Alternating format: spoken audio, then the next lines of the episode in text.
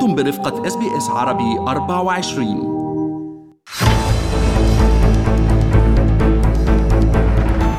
تحيي الأمم المتحدة وللمرة الأولى اليوم العالمي لمكافحة خطاب الكراهية وذلك بسبب انتشاره بجميع أنحاء العالم وضد فئات المجتمع المختلفة. شعار هذا العام هو Can words kill هل الكلمة تقتل؟ وأعلنت الأمم المتحدة قرار تخصيص يوم عالمي لمكافحة خطاب الكراهية في الثامن عشر من حزيران يونيو من العام الماضي وتم الاحتفال به لأول مرة في هذا العام. تهدف الفعاليات هذا العام لتعزيز الحوار بين الأديان والثقافات والتسامح في مواجهة خطاب الكراهية. وقال الأمين العام للأمم المتحدة أنطوني غوتيريس إن خطاب الكراهية لا يؤثر على الأفراد والجماعات المستهدفة فحسب بل يؤثر أيضا على المجتمعات ككل. وأضاف إن التأثير المدمر للكراهية ليس شيئا جديدا للأسف ومع ذلك فقد تضخم حجمها وتأثيرها اليوم من خلال تقنيات الاتصال الجديدة مشيرا إلى أن الإنترنت ووسائل التواصل الاجتماعي تسهم في تعظيم خطاب الكراهية بحيث أصبح منتشرا كالنار في الهشيم عبر الحدود. وأشار الأمين العام إلى أنه إذا ترك خطاب الكراهية دون رادع يمكن أن يضر بالسلام والتنمية. لأنه يمهد للصراعات والتوترات وانتهاكات حقوق الإنسان على نطاق واسع. بالمقابل حذر اجتماع رفيع المستوى للأمم المتحدة من تصاعد التهديد الذي يشكله خطاب الكراهية في العالم وقال المتحدثون في الاجتماع الذي عقد بمناسبة اليوم الدولي الأول لمكافحة خطاب الكراهية إن نمو عالم الإنترنت أدى إلى زيادة استخدام اللغات والكلمات القاتلة عن هذا الموضوع أجرينا لقاء مع خبير الأمن الإلكتروني الدكتور مرتضى البنا وسألناه بداية عن أهمية تخصيص يوم عالمي لمكافحة خطاب الكراهية. هو موضوع الخطاب الكراهية هو موضوع يعني مهم بشكل عام يعني ولذلك هي الأمم المتحدة شافت أنه من الضروري أنه يخصصون هذا اليوم اللي يعني ممكن أن يمثل أنه هذا اليوم العالمي لمكافحة خطاب الكراهية للتجديد على أهمية هذا الموضوع وللتجديد على أهمية أنه إحنا لازم نوقف هذا الشيء أو نحد من أده قدر الإمكان.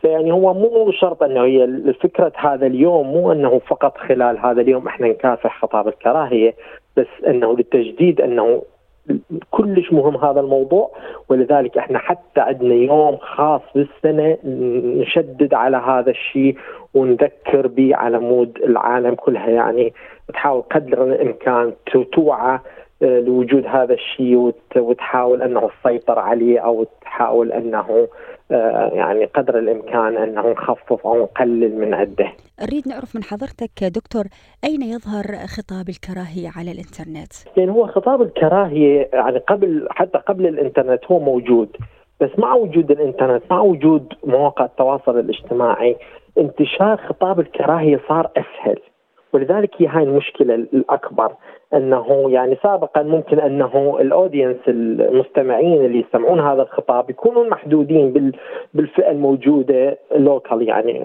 محليا. بس حاليا ممكن أنه شخص يروج لهذه أفكار ويروج لأفكار الكراهية والتقليل من شأن الآخر ويكون هذا صوته مسموع عالميا. وهذا يكون تأثير لأنه من شخص لشخص وإمكانية إعادة مشاركة هذه. يعني مثلا خلينا نقول إنه شخص آه، كتب فد post أو نزل فد تويته على تويتر آه، بها خطاب كراهية. ممكن إنه أشخاص آخرين يجون يسوون sharing ويتم انتشاره بسرعة أكبر بهواية من الحالات السابقة إنهم كان الموضوع locally فمواقع التواصل الاجتماعي هي دائما إحنا نقول هي سلاح ذو حدين.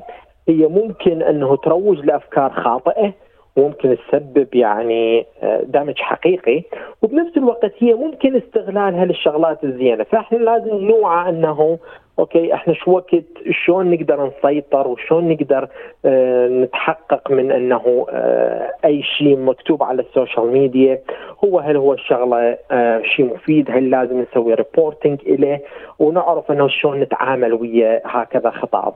بالنسبة لمنصات التواصل الاجتماعي آه، ما هو دورها أو ماذا تفعل للحد من ال hate speech أو خطاب الكراهية؟ حاليا يعني ضمن أهم يعني المقومات اللي أي منصة تواصل اجتماعي بتقوم ب يعني تطويرها والعمل عليها هي إمكانية أنه التحقق من نوعية ال post المحتويات التي يتم نشرها. وخطاب الكراهية ضمن هاي المحتويات. فهم بالنسبة لهم يعني تلقى على أي كل انواع مواقع التواصل الاجتماعي تلقى انه امكانيه إنه يسوي report إنه تبلغ على هذا الشيء. يعني مثلا إذا لاحظت إنه أكو فد محتوى معين يروج لفد فكرة خاطئة أو يروج لخطاب كراهية باتجاه فئة معينة فأنت ممكن إنه تسوي report تبلغ على هذا ال post أو المحتوى اللي تم نشره وهم يقومون بالتحقيق. يعني معظم الأحيان يعني ممكن أنه بعض بعض يعني مثلا فيسبوك عندها آه، يعني مسويه انفستمنت باتجاهات كثيرة إنه هي تكون اوتوماتيكيا نعم. بكشف وتحقق من هيك شيء قبل ما ينزل بس مع ذلك لأنه الموضوع يعني خاصة من إحنا بدنا نحكي على شغلة مكتوبة يعني كتابة واللي هي ممكن إنه آه، المحتوى يكون يحمل أكثر من معنى ومعظم الأحيان الاعتماد على الأشخاص اللي هم ممكن إنه شخص من فيسبوك أو شخص من تويتر أو غيرها من مواقع التواصل الاجتماعي يكون يقوم بالريفيو يقوم ب يعني فحص هذا المحتوى بعد أنه تكون تقوم أنت بالتبليغ عنه ويقرر أنه نعم صحيح انت وجهه نظرك صحيحة أنه هذا صحيح بخطاب كراهية أو بهذه المواضيع اللي لا يجب لا يجب طرقها ويتم حذف هذا ال post. نعم. وفي بعض الأحيان لا يعني هم لأنه هم ليش لازم يتحققون؟ ما يقدرون مباشرة يلغون أي post. لأن يقول لك ممكن أنه يكون يتم استغلال هذا هذه ال reporting facility يمكن استغلالها بشكل خاطئ. يعني أنت مثلا ممكن عندك عداوة ويا شخص معين ومجرد أنه هو شيء ينزل post أنت تسوي report بس نعم. مجرد يعني آه، تريد أنه تنتقم من عنده أو تريد تضوجه أو شيء. فلذلك هم لازم يسوون تحقيق يعني يشيكون أنه هل أنه أكو basis هل أنه أكو آه، صحة للبلاغ اللي سويته أو لا. وعلى اساسها يتم رفع ال post أو المحتوى أو يتم ابلاغك انه إحنا دققنا بالموضوع وما نلاقي أنه بخطاب كراهية أو ب abuse. الكلمة الواحدة دكتور مرتضى تفسر بعدة تفسيرات آه، سواء آه، بالواقع أم بوسائل التواصل الاجتماعي. طيب من حكم خبرتك دكتور بهالمجال آه، متى من الممكن أنه تكون الكلمة سيريس أو جادة؟ ومتى يمكن نفهم الكلمة إنها سخرية أو إنها من باب الجوك أو النكتة؟ يعني هو يعني هو حتى يعني هو الموضوع شائك يعني حتى من من من اتجاهات سيكولوجيه لأنه ممكن أنه الكلمة نفسها نعم. تفهم من شخص معين باتجاه يعني بصورة معينه بصورة خاصة ومن شخص آخر تفهم بطريقة أخرى. يعني إحنا قدر الإمكان إحنا قبل ما ننزل أي بوست يعني أو ننزل في شيء نشاركه عن طريق وسائل التواصل الاجتماعي لا نشوف إنه مثلا اني كتبت وجهة نظري أرجع أقراها على كيفي أشوف إنه هل أني هل الكلام اللي أنا منزله مفهوم للكل. لو انه هل يقبل أنه أني يعني مثلا آه ممكن ينفهم بطريقة أخرى أو يمكن ينفهم أنه أنا دا أستهدف هذه الفئة عن الأخرى؟ مرات إحنا ما نقصد يعني أنه ممكن أنه أنا دا أحكي على فد حالة معينة لفد شيء أنا شفته قدامي وتنفهم أنه أنا دا أستهدف آه، فئة معينة أو يعني سواء كانت آه، حسب الديانة أو حسب الإثنيك. واحد أنه لازم يكون ينتبه لهذا الشيء أنه أنا برا ما أكتب البوست مالتي أرجع أقرأ وأشوف أنه هل هو واضح؟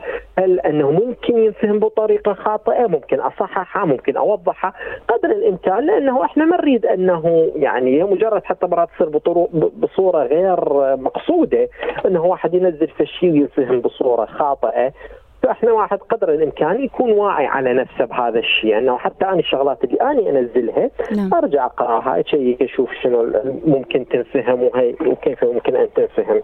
خطاب الكراهية صار أسهل وأكثر انتشارا بظل تعدد وسائل التواصل الاجتماعي لو نتحدث عن الإنترنت فقط، كيف هو انعكاسه على الناس؟ هو الكلام بشكل عام يعني أي كلمة ممكن أنه تنحكي سواء عن طريق وسائل التواصل الاجتماعي أو غيرها هي لها تأثير لأنه أكو ناس يتأثرون بال بالكلمات. ممكن أنه أنت تحكي على فئة معينة وهم يعني يأخذون الموضوع بصورة عامة ويأخذوها بصورة نيجاتيف يعني بصورة سلبية. فيعني سيكولوجيا يعني الكلام هو يأثر على الشخص. حتى لو أنت ممكن أنه تقول اني لا اني ما مأثر علي بس اعاده تكرار هذا الشيء ممكن أنه يخلي اللاوعي مالتك يتقبله يتقبل أنه آه لا آه هذه فئة هم وإحنا. وتقوم إنه تفصل بين فئات يعني الفئات الموجودة بالمجتمع وتقول هم وإحنا وهم إحنا أحسن وهم لا مو أحسن. فهذا يسبب إنه هذا ممكن يكون فريكشن بين فئات المجتمع.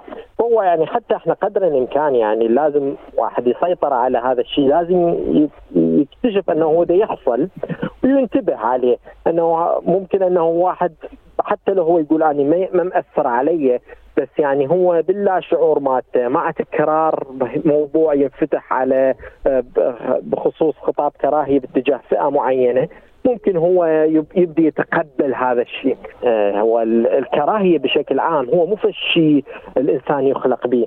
الكراهية فالشيء مكتسب ممكن خلال أنه حوادث معينة أو خلال تلقين معلومة معينة مستمر بصورة مستمرة الإنسان يكتسب هذا الشيء. فإحنا لازم يعني كما يقولون break the cycle ونوقف هذا الموضوع ويانا. نحذر أنه الموضوع ما ينتقل لاطفالنا حتى مفاهيمنا ما تأثر عليهم وما تأثر على طريقة حياتهم. شكرا جزيلا خبير الأمن الإلكتروني الدكتور مرتضى البنا على هذا اللقاء المهم. أهلا وسهلا بحضرتك واهلا وسهلا بالمستمعين الكرام. اضغطوا على ال like أو على ال share أو اكتبوا تعليقا.